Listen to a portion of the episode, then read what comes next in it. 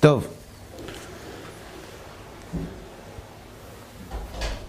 אנחנו לומדים בהקדמה לספר הזוהר לרבי יהודה לייב הלוי אשלג, זכר צדיק לברכה. ולפני שאנחנו מתחילים ללמוד על מציאות העולמות הרוחניים ועל תפקידם ועל התועלת שנגרמת לאדם מהם, אני מבקש להקריא כמה משפטים כדי להסביר מדוע הלימוד היום יהיה לעילוי נשמת כל אחינו בני ישראל, חללי מערכות ישראל ונפגעי פעולות האיבה שמתו על קידוש השם. בשנת תשל"ד, בחג הסוכות, בעיצומה של מלחמת יום הכיפורים, נשא הגאון רבי חיים שמואלביץ, זכר צדיק לברכה, ראש ישיבת מיר, שהיא הישיבה הגדולה ביותר בארץ ישראל, דרשה, ובעקבותיה הוא כתב לעצמו ברשימות שלו את סיכום הדברים. והוא כותב כך: ובסיום השיחה אמרנו שני יסודות ואלה המה. האחד, מאמרם זיכרונם לברכה במסכת בבא בתרא בדף י' דהרוגי לוד אין כל בריה יכולה לעמוד במחיצתם. הגמרא מספרת על רבי יהושע, אם אפשר לקבל גמרא בבא בתרא זה יהיה מצוין. הגמרא מספרת שם, כמדומני שאפשר למצוא את הגמרא פה, בארון הזה. על רבי יהושע,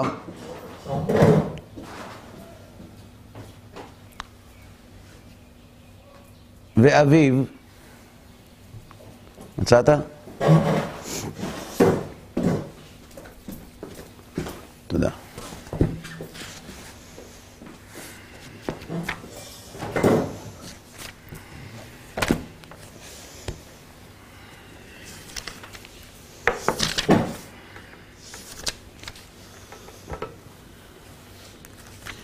הגמרא מספרת כי יד יוסף ברי דרבי יהושע חלש.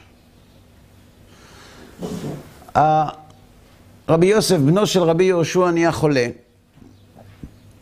ושקע בתרדמת. מה שאנחנו קוראים היום מוות קליני, או חוויית כמעט מוות, לא משנה. כשהוא התעורר, אמר לו אבוה, מה ראית?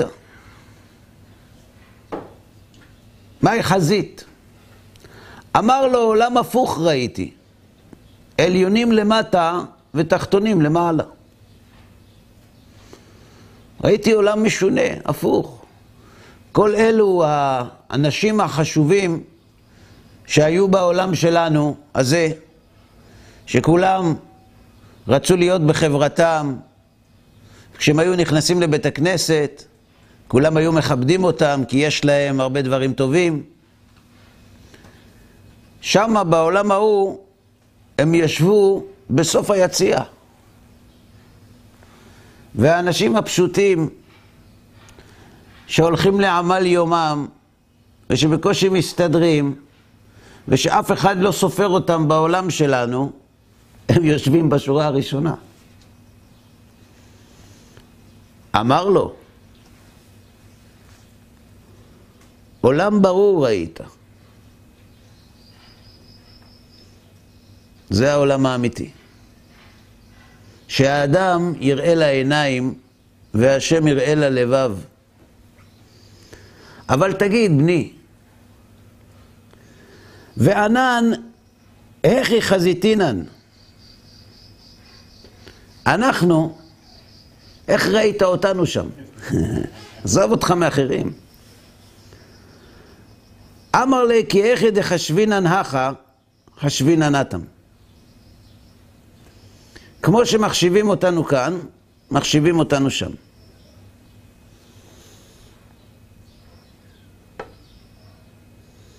ושמעתי שהיו אומרים, הרוגי מלכות אין כל בריה יכולה לעמוד במחיצתם. שמעתי שאומרים שם למעלה, מכריזים בכרוז, שיש מחלקה שהיא מחוץ לתחום. VIP, אח"מים. מי הם? הם הרוגי מלכות. זאת אומרת, יש הרבה מדרגות באותו עולם, יש ביציע הרבה מאוד שורות, אבל יש אזור חסום, שאף אחד לא נכנס שם, והם הרוגי מלכות. שואלת הגמרא, ותו לא? מי הם אותם הרוגי מלכות שעליהם הוא חשב שמדובר בכרוז? כלומר, אך מילתא לחודה הוא אומר רש"י. דעה ובאו שנהרגו על קידוש השם. מי? רבי עקיבא וחבריו? אומרת הגמרא, מה פתאום? בלאו הכי נמי. אתם חושבים שאף אחד לא יכול להיכנס במחיצתם של רבי עקיבא וחבריו מפני שהם נהרגו על קידוש השם? מה פתאום? במחיצתו של רבי עקיבא ושל חבריו אף אחד לא יכול להיכנס, לא בגלל שהם מתו על קידוש השם, בגלל שהם חיו על קידוש השם, וזה הרבה יותר קשה. למות על קידוש השם זה רגע אחד. לחיות על קידוש השם זה חיים שלמים. אז בגלל שהם הרוגי מלכות, אין מריה יכולה לעמוד במחיצתם. בגלל שהם היו ענקים. אלא, למי נתכוון הכרוז כשאמר, הרוגי מלכות אין בריה יכולה לעמוד במחיצתן? אומרת הגמרא, אילי מה רבי עקיבא וחבריו, משום הרוגי מלכות ותו לא? פשיטא, בלאו הכי נמי. גם בלי זה לא יכולים לעמוד במחיצתם, אלא הרוגי לוד. כלומר, אותם אנשים שהכרוז יוצא, שאומר שאף אחד לא יכול לעמוד במחיצתן, הם הרוגי לוד. אומר רש"י, לוליאנוס ופפוס, אחים שהרגם טוריאנוס הרשע בלודקיה כדאמרן במסכת תענית, על ידי גזרה שגזרה על ישראל, שנגזרה על ישראל, להשמיד, על שנמצאת בת מלך הרוגה. בתו של הנציב הרומאי נרצחה, נמצאה מתה, ונגזרה גזרה להשמיד את ישראל, וחשדו את ישראל עליה, ואמר להם הנציב, לא קרה כלום. זה קורה שילדה מתה. אבל אם תביאו את הרוצחים, זה ייגמר טוב. אם לא, גם לא קרה שום דבר. אחרי שאני אהרוג אתכם, לא יקרה לכם כלום. ועמדו האחים הללו ואמרו, מה לכם על ישראל? אנו הרגנוהו. אנחנו הרגנו אותם. והרגו את פפוס ולוליאנוס. ומכיוון שהם מסרו את נפשם על ישראל, אין שום בריאה יכולה לעמוד במחיצתם. כך כתוב בגמרא במסכת בבא בתרא, בדף י', ואנחנו חוזרים לדברים שכתב לעצמו הגאון רבי חיים שמואלביץ, ראש ישיבת מיר, זכר צדיק לברכה. ובסיום השיחה אמרנו שני יסודות, ואלה המה. האחד, מאמרם זיכרונם לברכה בבבא בתרא דף י', שהרוגי לוד אין כל בריה יכולה לעמוד במחיצתן. למה? והוא משום שמסרו נפשם בעד ישראל. וכזה אני אומר, כך כותב הרב שמואלביץ זצ"ל בעיצומה של מלחמת יום הכיפורים, וכזה אני אומר על אלה שמוסרים נפשם עבור הצלתנו, שאין כל העולם יכול לעמוד במחיצתם. והחיוב שיש עלינו להתפלל עליהם, על מי? חיילים. על החיילים, הוא בלי גבול. שהרי רק עבור פותח פתח לחברו אמרו זיכרונם לברכה, נפשו חייב לו. כתוב במדרש, במדרש תנחומה, שכאשר היה משה רבנו במדיין, אחרי שברח מפרעה, ויתרו שימש לו כאכסניה, בא לו הקדוש ברוך הוא למשה ואומר לו, לך לפרעה ותאמר לו, שלח את עם ישראל. זאת אומרת, יושבים מיליוני עבריים במצרים, והקדוש ברוך הוא בא למשה ואומר לו, לך תגאל אותם. יש בעולם משהו יותר חשוב מזה? אומר לו משה, ריבונו של עולם, תראה, אני לא יודע אם אני יכול ללכת. אומר לו הקדוש ברוך הוא, למה? אומר לו, תראה, אני, כשברחתי מפרעה, יש איזה אחד, כהן מדיין, עובד עבודה זרה, שהוא פתח לי את הבית שלו, שימש לי אכסניה. זה לא משנה שלפני כן משה הציל את בנותיו מן הרועים, אבל הוא שימש לי אכסניה. זה לא מנומס, זה לא ראוי, זה לא, זה לא יפה שאני אעזוב את ביתו בלי לשאול ממנו רשות. אני חייב לו את החיים שלי. אמר משה לקדוש ברוך הוא, שיתרו פתח לו פתח, וכל מי שפותח פתח לחברו, את נפשו חייב לו. אומר רב חיים שמואלביץ, זכר צדיק לברכה, שהרי רק עבור פותח פתח לחברו, אמרו זיכרונם לברכה, נפשו חייב לו. קל וחומר למי שמוסר נפשו בעדנו, בעד הצלתנו. החיוב עלינו בלי גבול הוא. ולכן, הדברים שאנחנו נלמד היום יהיו לעילוי נשמתם. כותב בעל הסולם, זכר צדיק לברכה, ועדיין נשאר לבאר סוף סוף למה לא לאדם כל אלו העולמות העליונים שברא הבורא יתברך בשבילו, ואיזה צורך יש לו לאדם בהם. כלומר, זה החלק השני של השאלה הגדולה, איך אדם יכול לומר שבשבילו נברא העולם, שהוא אדם כל כך קטן ביחס לכלל המציאות, והוא לוקח על הכתפיים שלו את האומץ לומר שכל העולם נברא בשבילו. ועל זה כבר ענינו, אבל עדיין אומר בעל הסולם, יש עולמות שרוב בני האדם בכלל לא יודעים על קיומם. גם הם נבראו בשביל האדם. למה לא לאדם כל אלו העולמות? על אילו עולמות הוא מדבר?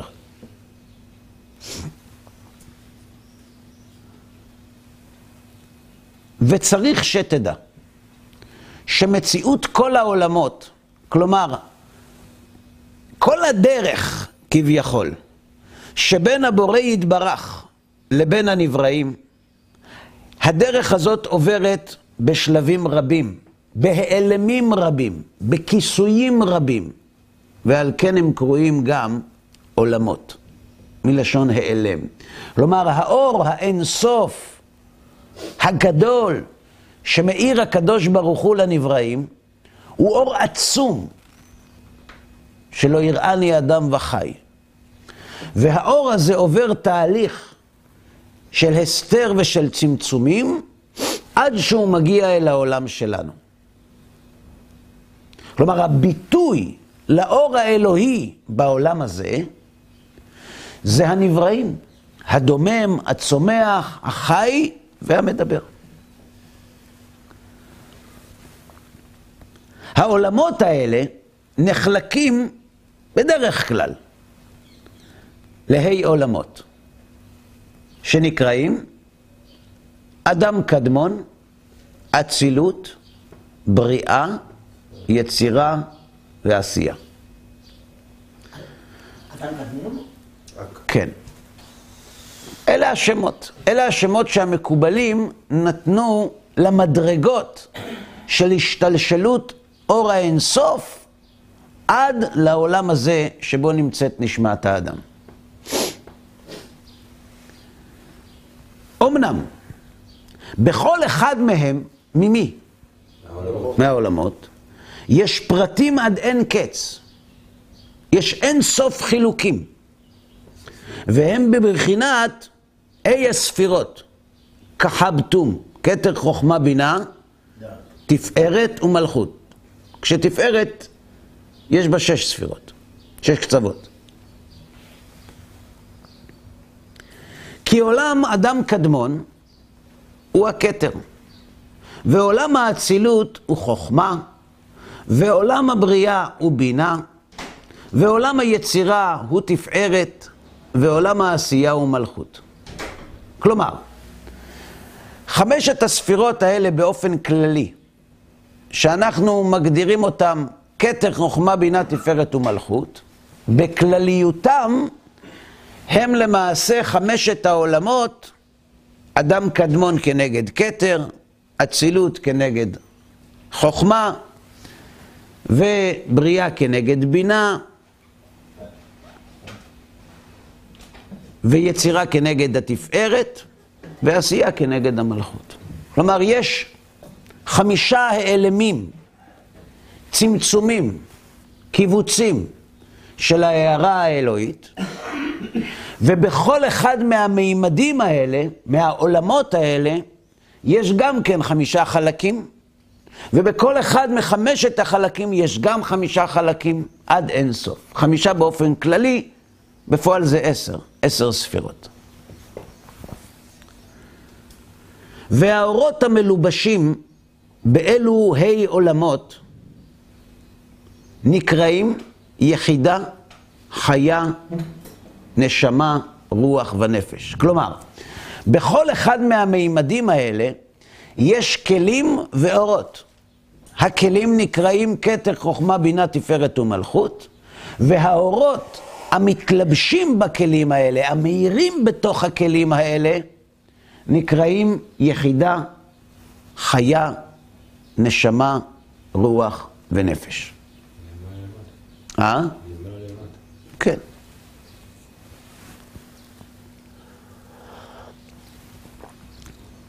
כלומר, אם נרצה לסבר את האוזן,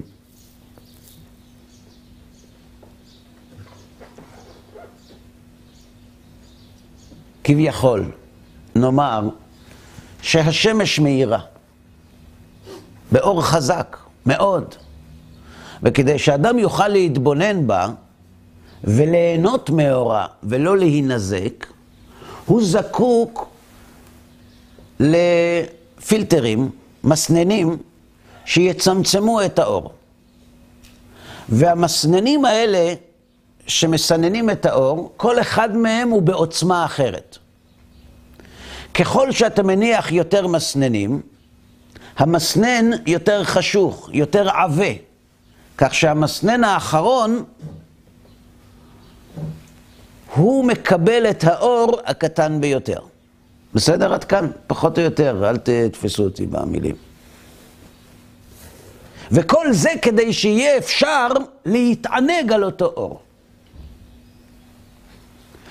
לכן, מסביר לנו בעל הסולם, שאותם עולמות, העלמים רוחניים, השתלשלות של עולם אדם קדמון, עולם אצילות, באמצע ו- וגם בריאה, יצירה ועשייה, העלמים הללו נועדו כדי שבסופו של דבר, האדם שנמצא בעולם הזה יוכל להתקיים ולהגיע אל תכליתו.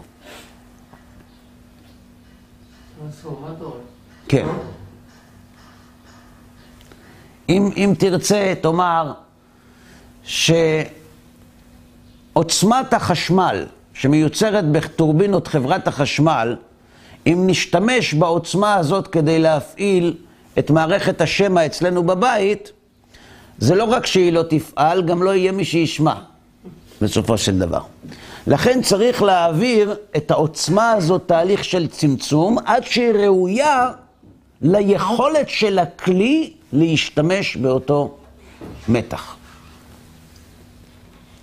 וכל אלו העולמות, וכל אשר בהם, נכללים בשם הקדוש י' ק' ו' ק', וקוצו של י'.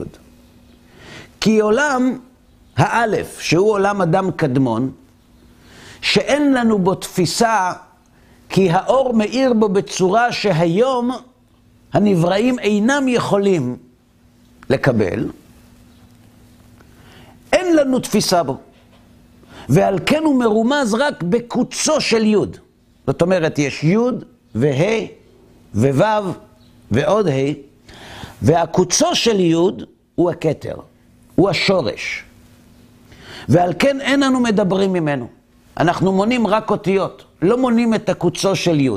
כלומר, כשאנחנו לא מונים באותיות י' כ' ו' כ' את הקוצו של י', זה מפני שאין לנו השגה במה שהקוצו של י' מסמל. בסדר? ועל כן איננו מדברים ממנו, ואנו מזכירים תמיד רק ד' עולמות. אצילות, בריאה, יצירה ועשייה. והיוד היא עולם האצילות, וה' עולם הבריאה, ו' עולם היצירה, וה' תתאה, כלומר הה' האחרונה, התחתונה, היא עולם העשייה. בסדר? הוא מסדר לנו מין מבנה כזה שאנחנו לא באמת מבינים, אבל הוא, בשורה התחתונה הוא מבקש להסביר לנו שישנם עולמות רבים שמאירים בהם אורות עליונים לפי סדר מסוים, כשבנקודת הקצה למטה, המצומצמת ביותר, נמצאת הבריאה שלנו, העולם הזה, ובראשה האדם. והנה, נתבהרו ה' עולמות שהם כוללים כל המציאות הרוחנית הנמשכת מאינסוף ברוך הוא עד העולם הזה. זאת אומרת, כל מה שאתה מדבר, בכל תורת הקבלה, בכל התורה כולה, בפשט, ברמז, בדרש, בסוד, בסופו של דבר, כל המציאות כולה כלולה באותם אי עולמות. אמנם הם כלולים זה מזה, ויש בכל עולם מהם כללות אי עולמות, כנאמר לאל, אי ספירות, כתר חוכמה, בינה, תפארת ומלכות, שהם מלובשים בהי אורות נרן חי, כלומר נש... נפש, רוח, נשמה, חיה יחידה, שהם כנגד אי העולמות. עד כאן בסדר? עד כאן לא מבינים בסדר? מבינים. מצוין, מצוין, ברוך השם. קוצו של י'. כן. ומלבד אי הספירות, כתר חוכמה, בינה, תפארת ומלכות, שבכל עולם ועולם יש גם דלת בחינות דומם, צומח, חי, מדבר רוחניים. כלומר, בואו ניקח לדוגמה, בעולם הבריאה, כמה ספירות יש? עשר. עשר, שהן כלולות בחמש ספירות, כתר חוכמה, בינה, תפארת ומלכות. ואורות כמה יש? אותו דבר, נכון? אבל מצד הכלי, כלומר מצד המקבל של האור שבכל עולם ועולם, יש מערכת עוטפת, כלולה מארבעה חלקים, שנקראים דומם, צומח, חי ומדבר. כאילו דופן הכלי, כאילו דופן הכלי, יש בה ארבעה מצבים. דומם, צומח, חי ומדבר. רוחניים כמובן.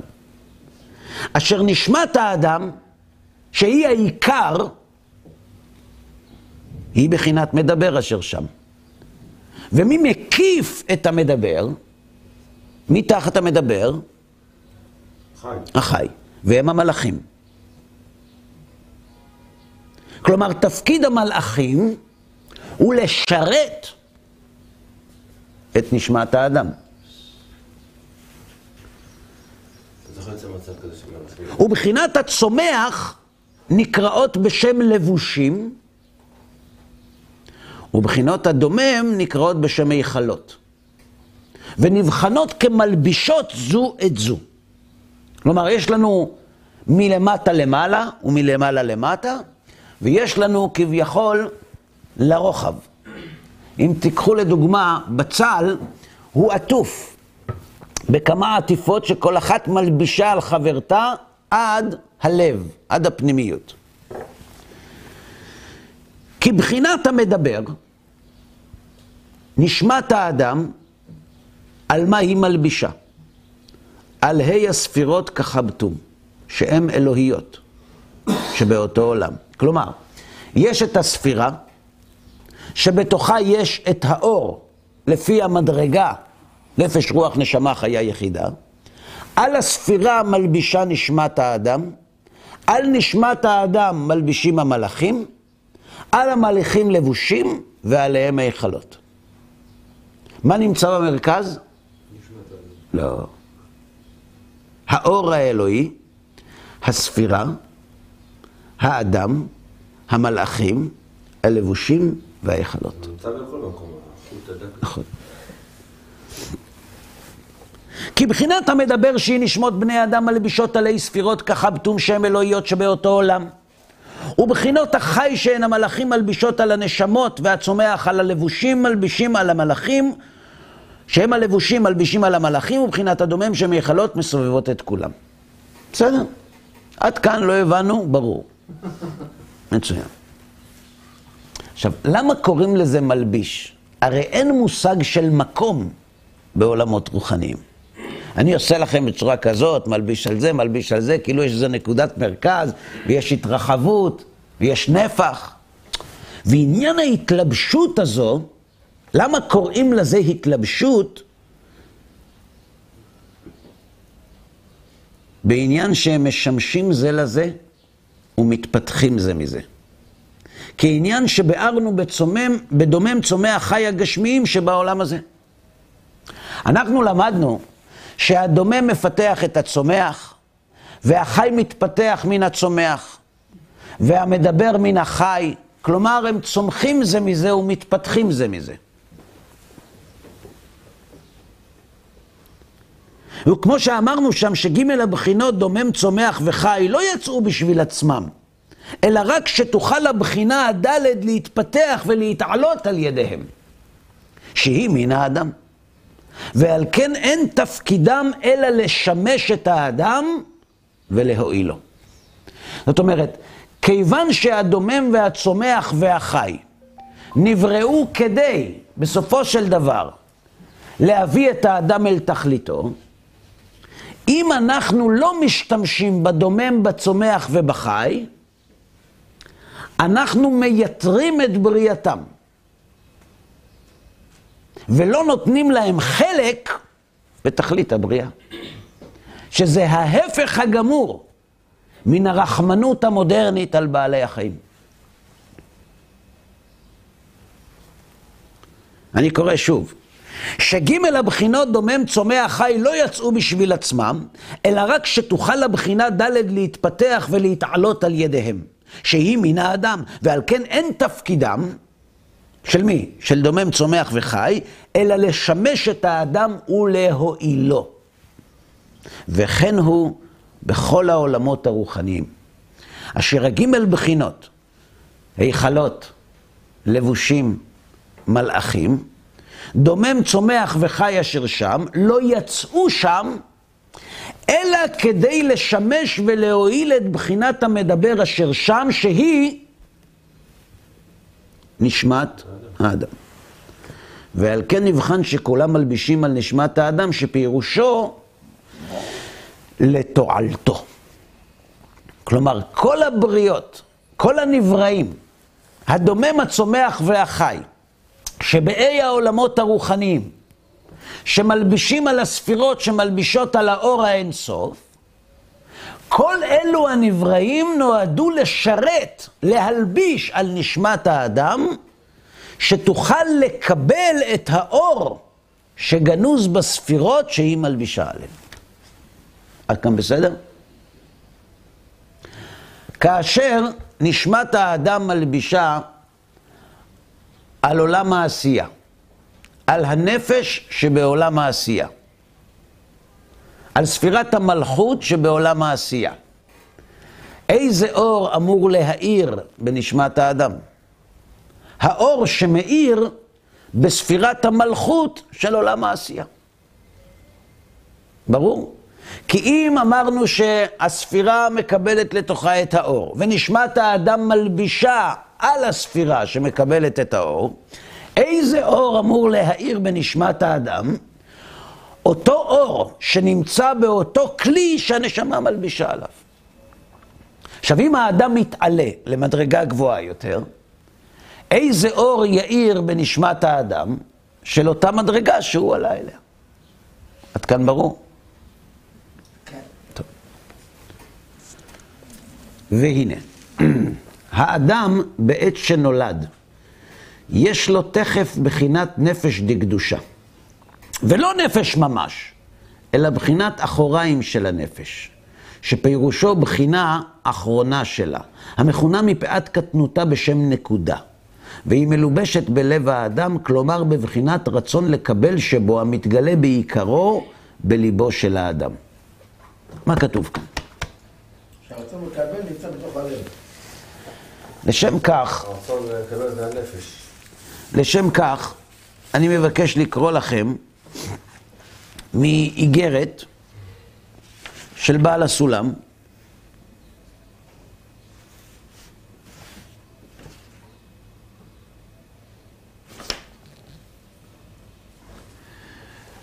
בסדר? איגרת ע"ז.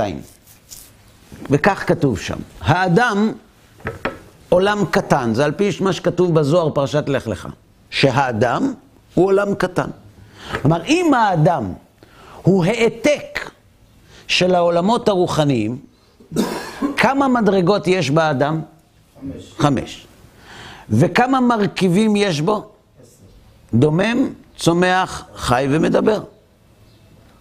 כי אם האדם הוא התקללות של העולמות העליונים, והוא נוצר מן הדומם, אז הדומם והצומח והחי, שהם אלו שהביאו להתפתחות האדם, כלולים בו. האדם הוא עולם קטן, שנכלל כל פרטי דומם, צומח, חי ומדבר במציאות בניינו. כלומר, כל הפרטים של כל הדוממים וכל הצומחים וכל החיים שיש בעולם שלנו, יש להם חלק ביצירה הזאת שנקראת אדם. כלומר, באדם יש גם חמניה, וגם חסה, וגם חתול, וגם כבש. כלומר, כל הנבראים כולם נתקללו ביצירת האדם. ולפי כך כל פרט מהם מוכרחים להתגלות במחשבותיו ופעולותיו ורצונותיו. כיוון שהאדם אינו אלא רצון לקבל, ברצון לקבל של האדם במהלך החיים יש גילויים של כל מיני רצונות שמקורם בדומם, בצומח ובחי שיש בבריאה. לפעמים חושב ורוצה ועושה כמו איזה פרט של חיות רעות. כמו אריה, או נמר, וזאב יטרף. ולפעמים כמו פרט מהעופות הדורסות, או כבהמה כשרה, או כאיזה פרט של הצמחים והדוממים, שלכל אחד מהם צורה קבועה וסגולה קבועה להועיל או להזיק. זאת אומרת, ההתנהגות של האדם בחיים היא סוג של ביטוי לכל הכוחות הכלולים בו, שהם תולדה של הצומח, הדומם והחי. תרכובת של כולם. נכון. כי כמו שבניין גופו כלול מכל פרטי המציאות שבעולם, כמו שבגוף האדם יש דומם, צומח וחי, כן יש כלל ופרט בגוף האדם עצמו. כי הלב הוא הכלל. שכל מחשבות ורצונות ופעולות שהאדם מגלה אותם לעיתים במהלך שנות חייו, כי אין אדם חושב אלא מהרהורי ליבו. כלומר, הרצון של האדם הוא כמו מין כדור בדולח כזה, שמאיר בצורות שונות, בהבזקים שונים. מין כדור כזה שמסתובב. הרצון של האדם במהלך החיים מביא לידי ביטוי הערות של רצונות שונים מן הדומם, הצומח והחי שיש בעולם. ולעומת זה, כן כל המחשבות והפעולות שהאדם עשה עד היום, פועלים ומשפיעים על ליבו, ועושים בו לב טוב או להפך. שהלב הוא הכלל שבגוף האדם, ובמחשבות ובפעולות. כלומר, יש כאן מערכת של יחסי גומלין. הרצון של האדם מורכב מכל הכוחות שיש בבריאה, לכל פרטי פרטיהם, אבל מצד שני המחשבות והפעולות שהוא עושה יכולות לעשות סדר ברצון שלו. לדוגמה, אדם נולד עם רצון לכסף, תכונה, עם קמצנות, עם תאוות אכילה, לא משנה. כלומר, מאיר ברצונו אור של אחד הכוחות שקיימים בטבע, בדומם, בצומח או בחי, תאוות אכילה. אבל על ידי לימוד ומחשבות ופעולות, הוא יכול לשנות ולהגביל את אותם כוחות שפועלים בלב שלו. כלומר, זה לא שהאדם הוא עבד לרצונותיו. היום אני אריה. אני לא רוצה להיות, אבל אין לי ברירה. היום, היום אני כבשה, עז. אין ברירה. היום אני חסה. כלומר, יש לאדם היכולת על ידי המחשבות שמביאות לידי פעולה להשפיע גם על הקצב, גם על הסדר וגם על מה יפעל ברצון שלו. איזה כוחות מן הכוחות שהרצון כלול מהם יהיו הפועלים.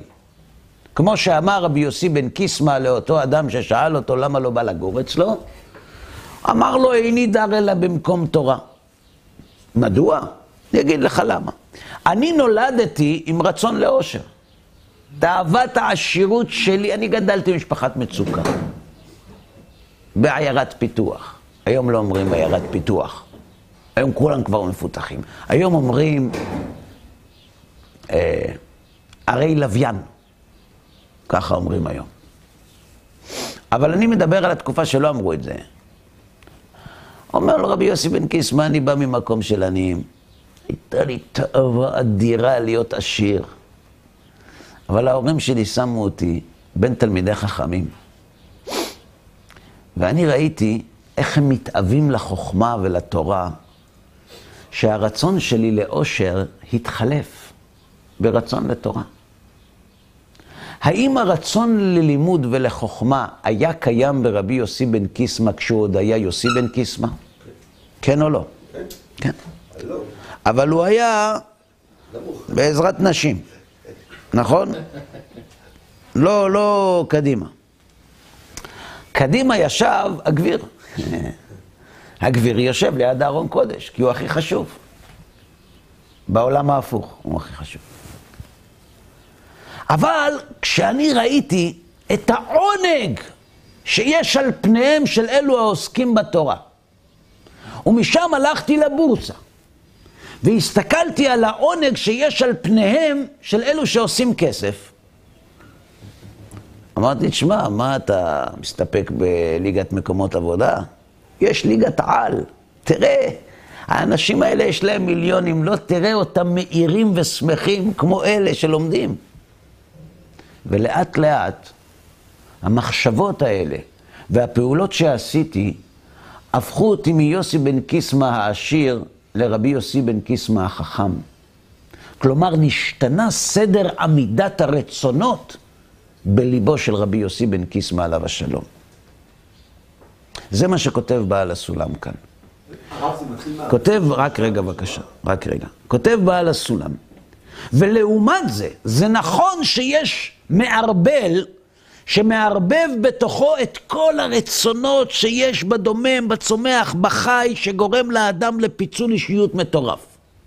היום הוא רוצה את זה, מחר הוא רוצה את זה, בבוקר הוא רוצה את זה, בערב הוא רוצה את זה. אבל, לעומת זה, כל המחשבות והפעולות שהאדם עשה עד היום, משפיעים על ליבו, ועושים בו לב טוב, או להפך. שהלב הוא הכלל שבגוף האדם, ובמחשבות ובפעולות. שאחרי הפעולות נמשכים הלבבות. ברור? מה רצית לשאול? לא, רציתי לדעת איך המנגנון עובד הרב. קודם כל זה מתחיל מהרצון שמייצר את המחשבות, או יש מחשבות שמייצרות רצון? זה פועל לשני הכיוונים. זה פועל, הרצון מייצר מחשבות, וכשהאדם חושב, הוא יכול לרכוש גם מחשבות שהוא לא תכנן לרכוש. למשל, האדם רוצה ליהנות, וכיוון שהוא רוצה ליהנות, הוא רוצה להשיג ממון. כי הוא גדל במקום שמי שיש לו ממון, הוא נהנה. וכשהוא יוצא לעמל יומו, הוא הולך ל... בדרך והוא רואה אנשים שהם שמחים למרות שאין להם ממון. והוא שואל את עצמו, רגע, אני רץ להשיג ממון כדי ליהנות, והם נהנים למרות שאין להם ממון, אז מה קורה פה? ואז הוא מתחיל לחקור. האם החקירה שלו היא תולדה של הרצון? כן. תולדה של רצון אחר. הרצון שהוציא אותו מהבית היה הרצון ל... לממון. אבל בדרך נולד בו רצון נוסף. להבין איך אנשים שאין להם ממון מאושרים. והרצון החדש הזה, שגם הוא היה בו קודם שיצא מן הבית, שנתעורר בו בעקבות מראה עיניו, ולא תטורו אחרי לבבכם ואחרי עיניכם, שעין רואה ולב חומד. אז הוא רוצה להבין, והלימוד הזה הביא אותו לבקש את אהבת החוכמה ולא את אהבת הממון. בסדר? לא, בן אדם שרוצה... למה לא? לא, לא, למה לא? למה לא? אה, כן, יופי. לא, אבל אדם שרוצה... למה לא? לא לצאת מהבית, הוא רוצה עכשיו תהליך להשתפר בזה, ממה הוא יתחיל? לעבוד על הפיתוח הרצון, לעבוד על המחשבות שלו? יש לי שאלה אליך. האדם שאתה מדבר עליו, הוא רוצה להשתפר? כן. יפה. אז כבר יש לו רצון שאם הוא לא יעזוב אותו וייתן לו לשקוע, הוא לא ייתן לו מנוחה. והוא יטריד את מחשבותיו עד שמחשבותיו יצאו למלא את החיסרון. השאלה הוא כמה הוא רוצה. בסדר. אז זה תלוי בסדר עמידת הרצונות. זה דבר משפיע על דבר. עכשיו, אם הוא יעשה פעולות, למרות שהרצון קטן, הפעולות האלה, אומר בעל הסולם, יעצימו את הרצון ויגדילו אותו. נכון. לכן אמרנו שיש יחסי גומלין בין הפעולות לבין הרצון. זה לא חד צדדי. בסדר? כמו שאמרנו שער הזריזות, שאתה עושה את הפעולות. נכון. לא- שזה מבוסס על העיקרון של ספר החינוך. בסדר? בסדר? מעולה. וזה, כל, כל ההקדמה הזאת הייתה בשביל המשפטים האלה, כן? אז אל, אל, אל תלכו לאיבוד. וזו הסגולה שבתורה ומצוות שמקיים. שהם מרחיקים ממנו את המחשבות והרצונות של הפרטים הרעים בדומם צומח חי ומדבר, שהם כלולים בו, על ידי הזהירות מלאכול חיות ובהמות ועופות רעים וטמאים. ואפילו הנגיעה נאסר בהם, כמו שכתוב בנבלתם, אל תיגעו. שעל ידי שהוא נזהר מן המגע ומן האכילה עם הפרטים הללו שבדומם, בצומח, בחי ובמדבר, מבטל אותם המחשבות והרצונות הרעים הנמשכים מכוח שהם כלולים בבניין גופו. זאת אומרת, יש באדם כוח, רצון להשחית. רצון שמגיע מהיות האדם כלול בבעלי חיים המשחיתים. מה יקרה כשהוא יבוא איתם במגע? הם יעצימו ויחזקו את החלק שלהם בבניין הרצון שלו. ועל ידי שהאדם מקיים תורה ומצוות, ועומד בכללים ההלכתיים של הכשרות, ולא אוכל את בעלי החיים הטמאים, הוא מפחית את העוצמה של חלקי בעלי החיים הטמאים הללו בבניין הרצון של האדם, ומשאיר מקום לרצונות האחרים. אבל זה קשור להתפתחות שכלית, לא? לא משנה אם זה לאו דווקא תורה או התפתחות סביבתית כמו שלמדנו, שהאדם קשור איפה שהוא לומד בסביבה. הוא יכול להיות מתורבת ולא לאכול אה, דברים ולא לעשות, אה, להתנהג כמו חיה, לא בגלל שהוא שומר תורה ומצוות, בגלל, ש... אה, בגלל שהסביבה, הוא חי בסביבה נאורה. כמו שלמדנו בשיעורים ש... שבן אדם מושפע מהסביבה שלו. כן. איפה הוא גדל, איפה הוא לומד, איפה הוא חונך. אני לא נכנס איתך כרגע לוויכוח. לא, רק- אני מוכן לקבל את דבריך לצורך שנוכל להתקדם. אני מוכן לקבל את דבריך שאפשר להגיע לזה, נניח, שאפשר להגיע לזה גם בדרכים אחרות. נכון. ההבדל הוא רק אורך הזמן. קוראים לזה דרך תורה או דרך איסורים. בא בן אדם ואומר לך, תקשיב, אם אתה תפעל כך וכך וכך, אתה תיפטר מהתחושה המטרידה שמלווה אותך ולא נותנת לך מנוח. אתה לא חייב, אתה יכול לעשות את זה גם בדרך שלך. זה ככה שנתיים. זה נקרא זכו אחישנה, לא זכו בעיטה.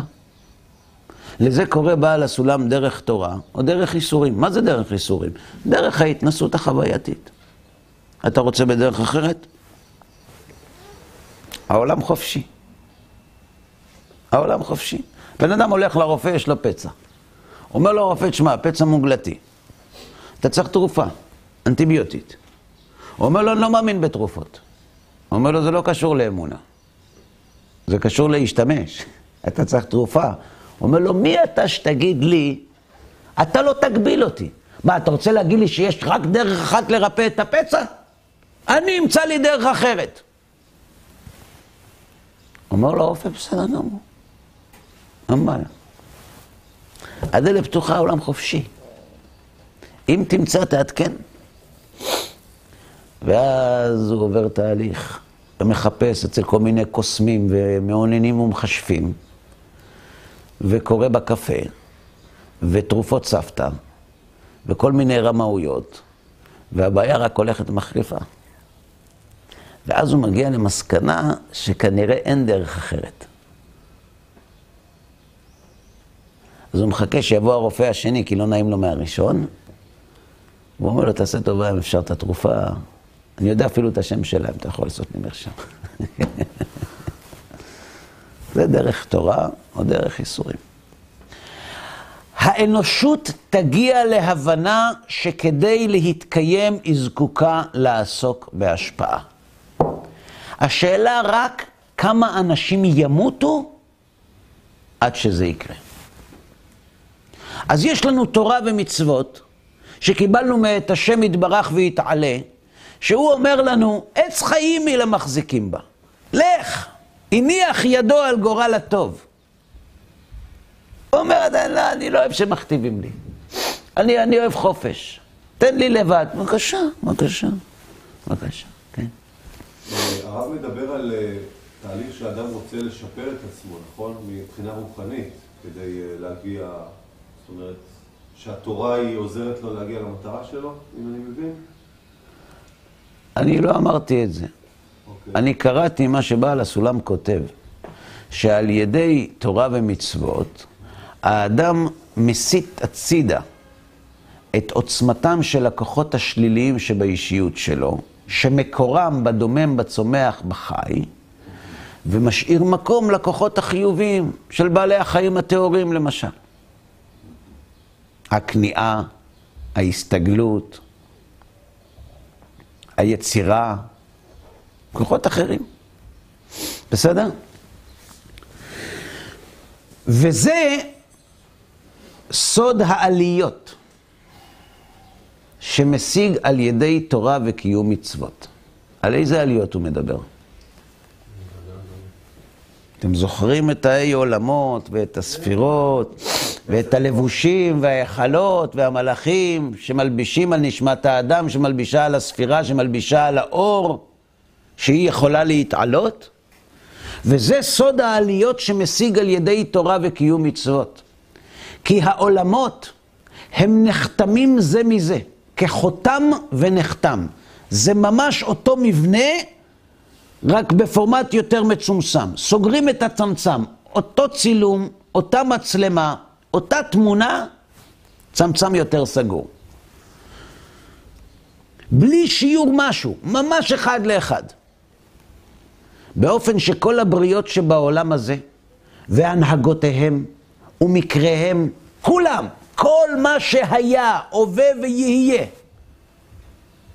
וכל מקרי האדם, וכל תהפוכותיו, והרגשותיו, והנאותיו וסבלו, הכל בסופו של דבר, כולם מושרשים בעולם האצילות. אם עולם האצילות הוא החותם, והבריאה נחתם, והיצירה נחתם מן הבריאה, והעשייה נחתם מן היצירה, והעולם הזה נחתם מן העשייה, הרי שלמעשה השורשים הרוחניים של כל מה שקיים במציאות, היכן מקורו? עולם האצילות. היצירה שורש לעשייה, אבל היא, העולם הזה הוא תולדה של בריאה, תולדה של אצילות. זאת אומרת, כל מה שיש בעולם שלנו, הכל כלול בסופו של דבר בשורשו בעולם האצילות. אבל שמה, במימד הזה של אצילות, במימד הזה של גילוי האור הגדול, שמה הם כולם שמותיו של הקדוש ברוך הוא. דהיינו מידות שפע, שעל ידיהם משיגים דבקות גמור ונצחי בקדוש ברוך הוא. והפרטים משם הולכים ומצטמצמים צמצום אחר צמצום, עד שבאים כולם לעולם הזה ומקבלים ההגשמה, המספקת לגוף האדם, המספקת לגוף האדם שיתלבש בו נפש, שיוכל לעסוק בתורה ובמצוות, שעל ידיהם יזכה להשוואת הצורה דרגה אחר דרגה, עד שישוב להידבק בעולם האצילות בשורשו.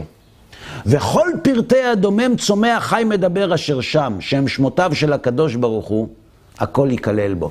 כמו, אומר ככה, יסוד מספר אחד, הרצון של האדם כלול מכל הרצונות של הדומם, צומח וחי שיש בעולם שלנו. יסוד א', האם עד כאן ברור? כן. יסוד ב', כל הפרטים של הדומם, צומח, חי ומדבר בעולם שלנו נחתמו מהיכן? מעולם העשייה שנכתב מיצירה, שנכתב מבריאה, שנכתב מאצילות. אלא שבעולם האצילות, מצב הצבירה של כל אותם כוחות ושורשים שגרמו למה שיש בעולם שלנו, נמצאים, נמצאים שם במצב צבירה רוחני, וקוראים לזה שמותיו של הקדוש ברוך הוא. עד כאן ברור? על ידי שהאדם, שבעולם הזה כלול מכל הדומם צומח חי מדבר שבעולם הזה. מה מאיר בנשמתו? מה מאיר בו? הכוחות של כל בעלי החיים, הצמחים והדוממים שיש בעולם הזה. מה יקרה אם נשמת האדם זוכה להגיע לעולם האצילות? מה מאיר בשם?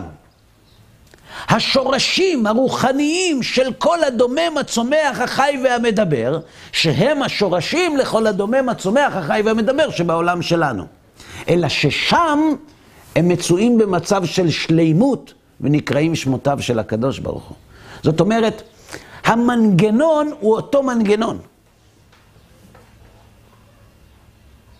ההבדל הוא הספירה או העולם שנשמת האדם מלבישה עליו. ולכן על ידי תורה ומצוות, זה סוד העליות שמשיג על ידי קיום תורה ומצוות. האם עד כאן ברור? אמרנו שאין לנו בו תפיסה. עד כאן لا يمكن. لا